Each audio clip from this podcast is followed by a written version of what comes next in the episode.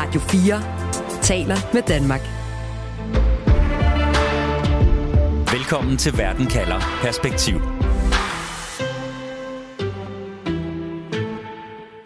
Hvad er det første, du tænker på, hvis jeg siger Polen? Det er måske håndværkere, flotte gamle byer, måske billig fadøl eller problemer med retsstaten.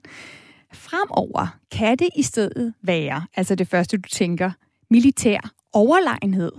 For polakkerne opruster lige nu alt, hvad de kan, med flere fly, flere kampvogne og tropper. Og i år så regner de med at blive det NATO-land, der bruger allerflest af deres penge på forsvaret. Derfor spørger jeg i dag, hvorfor vil Polen være Europas nye militære stormagt? Jeg hedder Stine Krohmann Dragsted. Velkommen til Verden kalder perspektiv, hvor jeg stiller et spørgsmål, som giver dig perspektiv på verden omkring os, og på 30 minutter giver dig et svar. Du lytter til Radio 4. Og også velkommen til dig, Vibe Termansen. Hej. Du er historiker, forfatter og journalist med, med speciale i Øst- og Centraleuropa. Vibe, vi skal snakke om, hvordan polakkerne opruster som aldrig før. Men bare lige helt kort, hvad er polakkerne bange for? Helt kort, så er polakkerne bange for Rusland. Og lige i et lidt større perspektiv, så er polakkerne bange for imperier, for fremmede imperier, som øh, definerer deres egen suverænitet som vigtigere end polakkernes suverænitet, og som derfor dræber de polske indbyggere og oplyser den polske stat. Det har de simpelthen dårlige historiske erfaringer med. Det skal vi komme meget mere ind på. Jeg skal også lige sige velkommen til dig, Claus Mathisen. Du er lektor ved Forsvarsakademiet og tidligere også forsvarsattaché i Polen. Velkommen til Verden kalder. Ja, tak skal du have. Polen opruster deres militær. Hvordan det? Jamen, det gør de jo øh, i ganske udbredet grad endda i lyset af truslen fra Rusland. Og øh, det, der måske er det allermest bemærkelsesværdige ved det, er udover den ganske imponerende indkøbsliste, liste, det er, at øh, Polen ønsker ikke at købe noget fra for eksempel Tyskland, og det har man ellers traditionelt gjort tidligere, simpelthen fordi man ikke øh, vil belægges med klausuler af nogen som helst art om, hvad våbnene kan bruges til. Hvad er det helt præcis, de her penge skal bruges øh, på? Det er faktisk øh, stort set øh, et, et, et bredt udvalg af, og i imponerende antal af alt muligt til både hæren og til flyvåbnet og til flåden. Man vil have nye fregatter, hvis vi starter med flåden. Man vil have ubåde. Og, og øh, øh til flyvåbnet vil man have øh, 35 F-35 øh, fly plus nogle flere øh, andre fly, og så vil man til hæren både købe kampvogne og andre ting, plus at øh, Polen har faktisk en militærindustri selv, en våbenindustri selv, som øh, man vil have til at levere artillerisystemer og pansrede mandskabsvogne i ganske store antal. Så det er en all-round indkøbsliste, kan man sige, som skal bringe polsk militær et sted hen, hvor det ikke har været i lange, lange tider. Og det er så også derfor, vi hører den polske premierminister sige, at øh, Polen i år vil bruge 4% af deres BNP på forsvar, og altså dermed blive det land i, i forsvarsalliancen NATO, der bruger flest af deres penge på forsvaret. Han siger simpelthen, premierministeren, at krigen i Ukraine betyder, at vi skal bevæbne os endnu hurtigere. Claus, øh, hvad gør det muligt for Polen at opruste så massivt? Ja, det er jo først og fremmest øh, dels en, en, en uh, tilslutning i hvert fald indtil videre i befolkningen til at bruge de her penge. Øhm, og, og, og så skal man selvfølgelig også til bringe midlerne. Jeg tror i virkeligheden, den største hindring for Polens indkøbsprojekt kan være, at lige nu er de jo ikke de eneste, der er ude på markedet for at købe ting. Øh, så fabrikkerne rundt omkring i verden, der leverer, de kan komme til at have sådan en hel venteliste, og derfor er det ikke sikkert, at øh, planerne kan realiseres så hurtigt, som Polen ønsker, men Polen vil gøre det så hurtigt som overhovedet muligt. Det er bemærkelsesværdigt, hvor mange, for eksempel, der for tiden bestiller kampvogne i, i Sydkorea, bare for at nævne én ting. Hmm. Vibe Termansen, øh, nu taler vi i det her øh, program om øh, polsk oprustning, om hvorfor Polen vil være, eller om de vil være Europas nye militære stormagt. Er det noget, der er vigtigt at følge med i fra dansk side, synes du? Ja, det er det da. Altså, vi er jo i NATO. Vi er jo i NATO sammen med Polen. Øhm, og Danmark bruger ikke engang de her 2%, som, som man egentlig skal i, i NATO. Så på den måde, så er det jo meget bekvemt for os, at der er nogle andre, der gør det, at der er nogle andre, der bruger en hel masse penge på det. Og Polen står jo også øh, dejligt rart imellem os øh, og Rusland. Så af den grund er det det vigtigt at følge med i det. Så synes jeg også, det er vigtigt at følge med det. Jeg synes altid, det er vigtigt at følge med, når ens nabo lige pludselig opruster øh, hæftigt. Det, det tror jeg, Claus vil være enig med. Og så synes jeg også, det er vigtigt at følge med i, fordi... Hvad, hvad tænker du der, Vibe, altså, hvor polakkerne står politisk? Altså, hvis man har en nabo, der lige pludselig begynder at opruste hæftigt, så tror jeg, øh, at der bliver fuldt med i det i, i nabolandenes øh, forsvarsministerier. Øh, det tror jeg bare sådan en generel regel. Mm. Men vi kan også ende med at få en ny europæisk magtbalance på den her øh, måde, og det kan få konsekvenser for EU. Så jeg synes, der er en hel masse grunde til, at det er en god idé at følge med i, i hvert fald. Du lytter til Verden kalder Perspektiv på Radio 4 som altså i dag handler om, hvordan Polen vil skrue deres militære udgifter voldsomt i vejret. Vibe Termansen, historiker og forfatter til bogen Kampen om Centraleuropa. Hvorfor er det vigtigt for Polen at have et stærkt forsvar? Altså, Polen har været en stor europæisk aktør igennem rigtig, rigtig mange år. Øhm, og Polen har udvidet, ekspanderet og været en stormagt. På et tidspunkt i 1600-tallet gik Polen helt op fra Østersøen og helt ned til Sortehavet. Så det har Polen gjort på den ene side. På den anden side har Polen også fået en masse tæsk igennem historien. Og blandt andet så fik de jo en øh, virkelig læsterlig tæsk i slutningen af 1700-tallet, hvor Preussen og Habsburg-imperiet og Rusland ligesom rådede sig sammen, og i tre omgange simpelthen delte Polen imellem sig. Øh, to store bidder af det polske territorium, så det til sidst slet ikke fandtes noget Polen. Og i 123 år, så var der ikke noget Polen. Øhm, og sidste gang, de har, de har sådan rigtig dårlige erfaringer med det her i Polen, det var, det var under 2. verdenskrig, hvor Hitlers Tyskland og Stalins Sovjetunionen blev enige om, med Molotov-Ribbentrop-pakten, simpelthen at dele hele Europa øh, mellem sig. Og Polen blev også delt der. Og så efter, da krigen ligesom var slut, og, og der skulle skrives en ny fred, så blev øh, Storbritannien og USA, de blev enige med Stalin om, at det var da helt fint. Han kunne da godt få Polen, og han kunne få hele Østblokken. Og så sad de der helt frem til 1989. Så det er vigtigt øh, for Polen at have et stærkt forsvar, at være i stand til at forsvare sig selv. De har erfaringer med, at alle er ude efter dem hele tiden, og de har erfaringer med, at de allierede, de har i Vesten, i virkeligheden, når det rigtig gælder, ikke kommer og hjælper dem, men bare forråder dem. Mm. Så Claus Mathisen, den her historiske arv, den her erfaring, som Vive hun fortæller om her, mm. hvordan har den formet polakkernes syn på, at militær styrke er afgørende?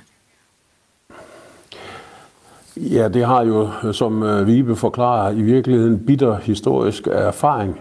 Øh, man kunne føje til den fortælling, at i mellemkrigstiden efter Polen genopstod, som Vibe fortalte, efter 123 år ikke eksistent som land på Europakortet, der var man meget længe om at få opbygget et militær, også fordi det økonomiske udgangspunkt var meget svagt.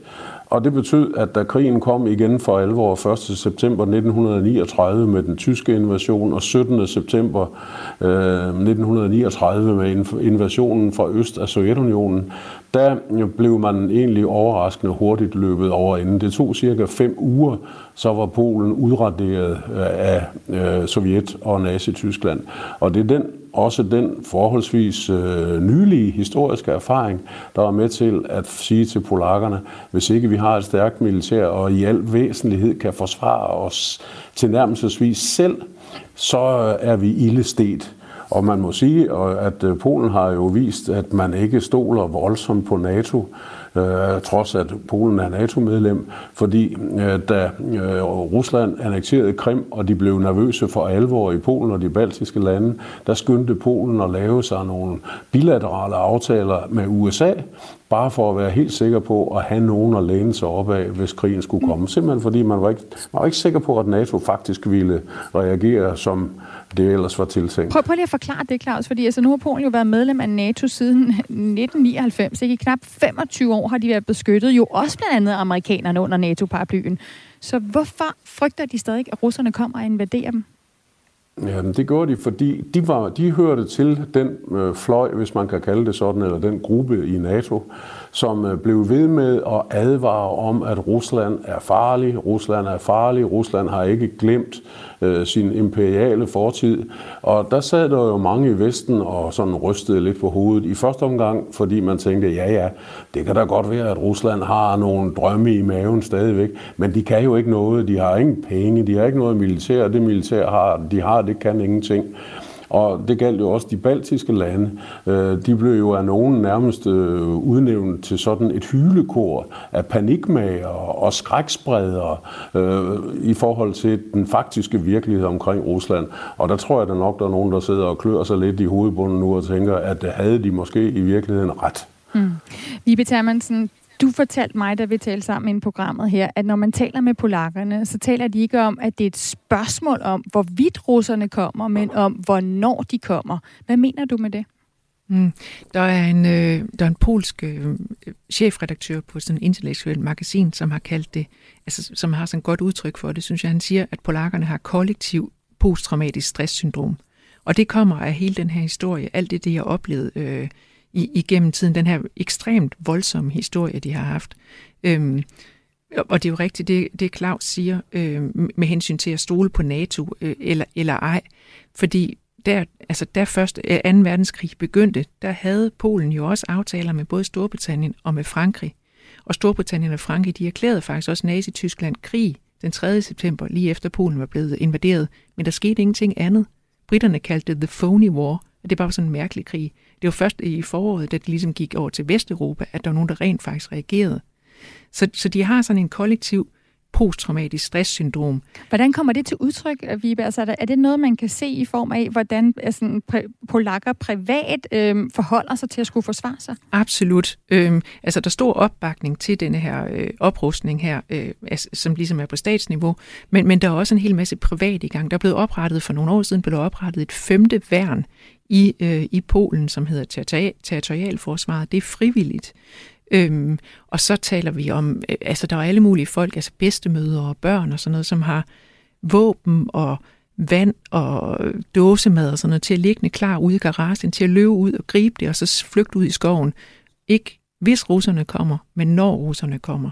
Så det er, sådan, det er både øh, en statslig ting, men det er også sådan en helt privat ting, at, at man ved, polakkerne ved bare helt ind i ryggraden, russerne kommer igen, og så er det ikke spørgsmål om, altså spørgsmålet bliver, hvad gør vi? Hvordan gør vi det? Mm.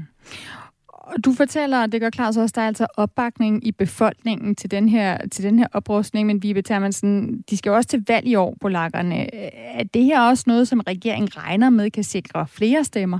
Ja, det ser sådan ud. Øh, Morawiecki, premierministeren, han har lige ude at sige, vi har fikset økonomien, og vi har fikset forsvaret. Så det lyder som om, han synes, at det her det er, det er en vinder i forhold til valget. Og Duda, præsident Duda, han har sagt, også lige her for nylig, at Polen er parat til at bygge et, et jerntæppe, der, var, øh, der går helt op til skyerne for at holde Rusland væk. Så de, altså, de er ude at sælge det øh, som sådan en, en, en, en god ting, som regeringen øh, står for. Og, det, og der er noget, der tyder på, at, øh, at det virker. Fordi der er en helt ny undersøgelse, der siger, at 43 procent af polakkerne, de synes ikke, de her planer om et større militær, de synes simpelthen ikke engang, at det er nok. Der er opbakning øh, blandt polakkerne til den her drøm om at blive Europas nye militære stormagt. Radio 4 taler med Danmark. Mens krigen haver i Ukraine er nabolandet Polen altså for alvor begyndt at røre på sig. Flere fly, flere kampvogne og tropper skal blive en del af landets militære kapacitet det kommende år. Polen har altså besluttet, at øh, 4% af Polens BNP skal gå til militæret. Og det betyder faktisk, at Polen altså bliver det NATO-land, der bruger den største andel af deres BNP på militær. Claus Mathisen, lektor ved Forsvarsakademiet og, og tidligere forsvarsattaché i netop Polen. Er der nogen, der synes, det er en dårlig idé at have Polen som Europas førende militærmagt? Ja, det kunne man jo godt forestille sig, fordi Polen er jo ikke altid sådan øh, nem at, øh, hvad skal vi sige, øh, danse med.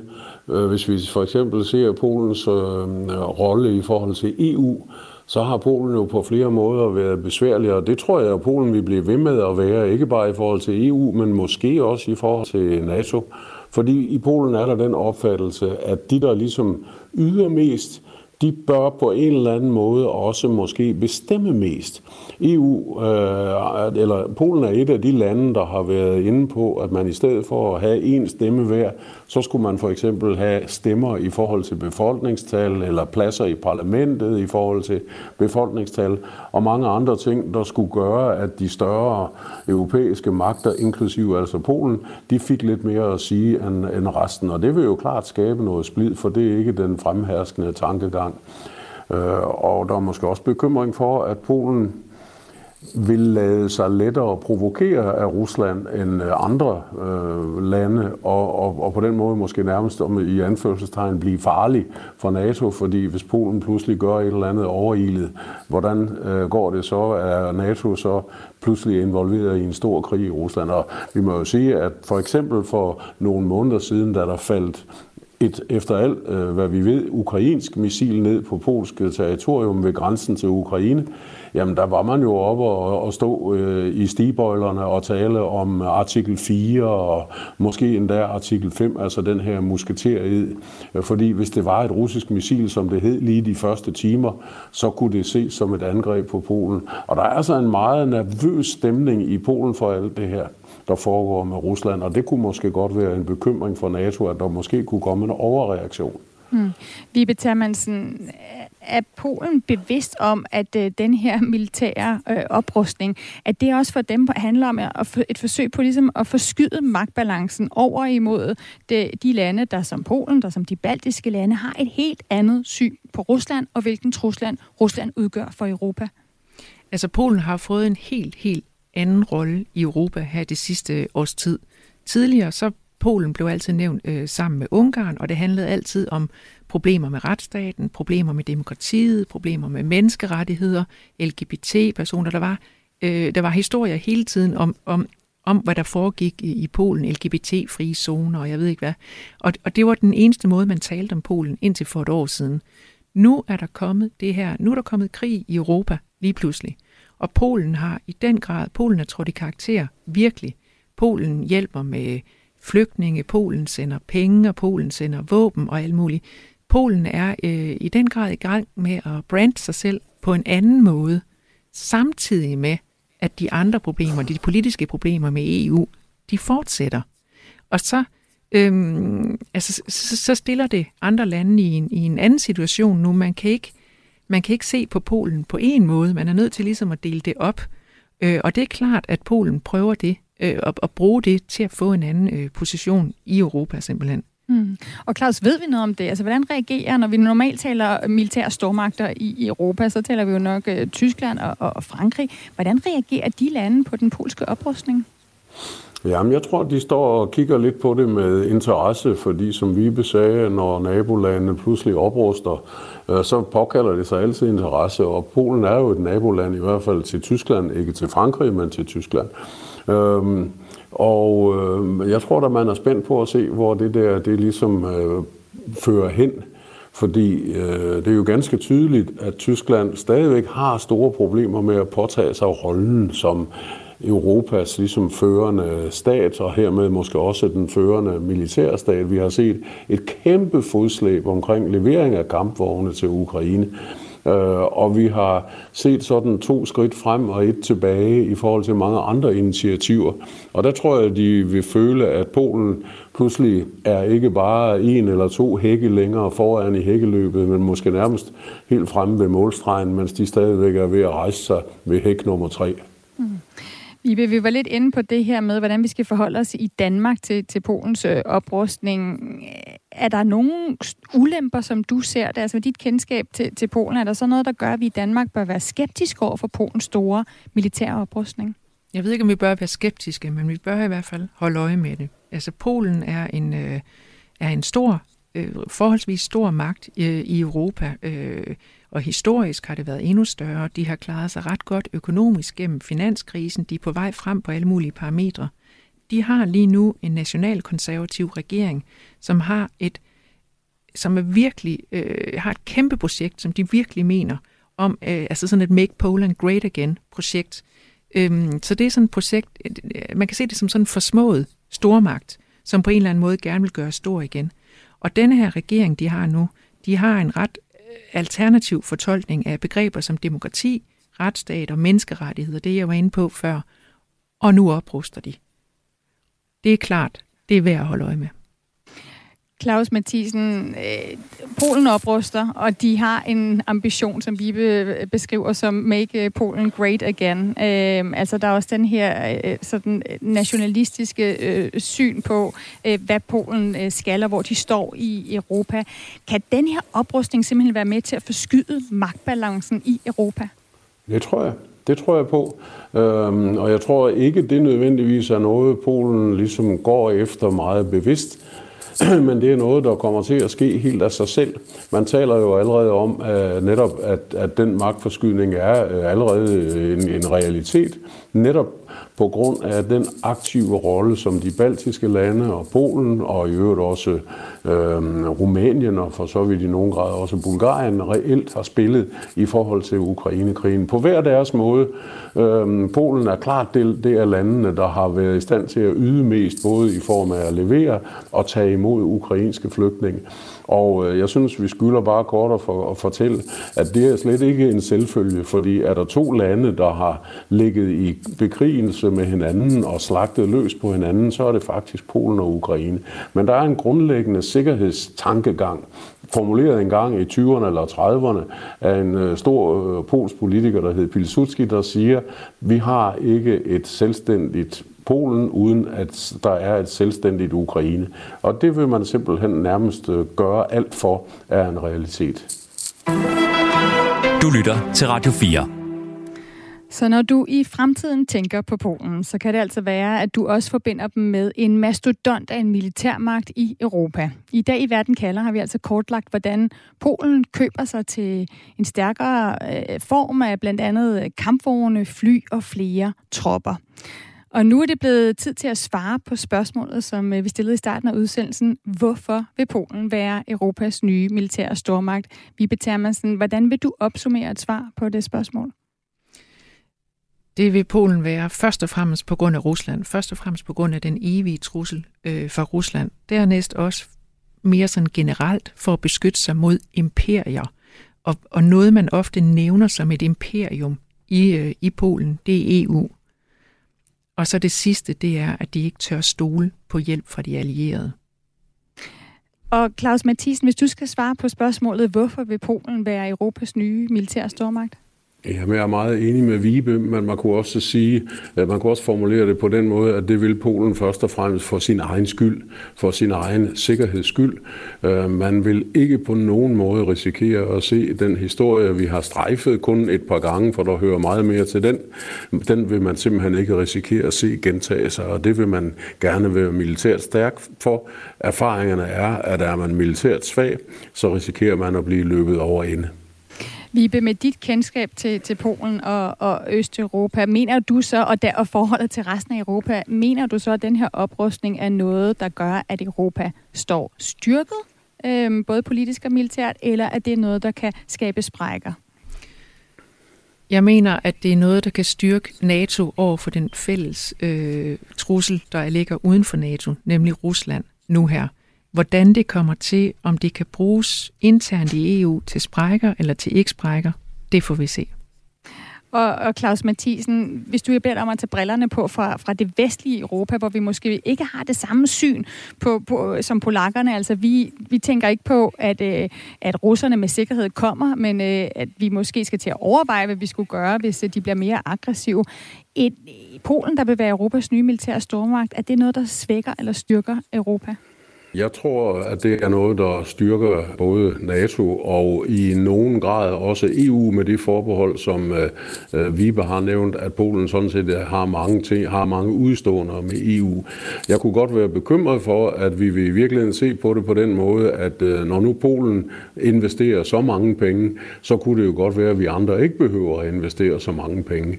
Men øh, der skal jo være en eller anden form for fælles fodslag i NATO om det, uagtet at man har haft en beslutning om de her 2% længe, uden at øh, man rigtig har været i øh, synkroniseret gang omkring det, kan man nok roligt sige. Så altså i stedet for, at Polen kunne være et forgangsland, der kunne få os andre til at tænke, nu må vi simpelthen også øh, til at bruge mere af vores BNP på, på militæret, så tror du, at det kan være, at vi læner os tilbage og siger, at hvis Polen gør klare ærterne for os, så behøver vi jo ikke? Det er jeg bange for, at der er en, øh, en risiko for, og man vil kombinere det formentlig med, at når nu Rusland øh, kommer i en eller anden grad svækket ud af krigen i Ukraine, hvis det ender sådan, jamen øh, så er der måske i endnu mindre grad øh, og, og, øh, grund til at fremskynde de investeringer, som vi jo også tænker på, men forløbig har lagt en meget lang tidsplan for. Tak for den øh, analyse, Claus Mathisen, altså tidligere eller lektor, nuværende lektor ved Forsvarsakademiet og tidligere forsvarsattaché i, i Polen. Og også tak til dig, Vibe Termansen, historiker og forfatter til bogen Kampen om Centraleuropa. Og uanset hvad der sker, så husk at du kan få svar på et afgørende spørgsmål her i Verden kalder med mig, Stine Krummernd Dragsted. Vi sender fremover live mandag og torsdag. Først en halv time aktuelt i Verden kalder, og så 30 minutters Verden kalder perspektiv. Husk at følge den kalder som podcast.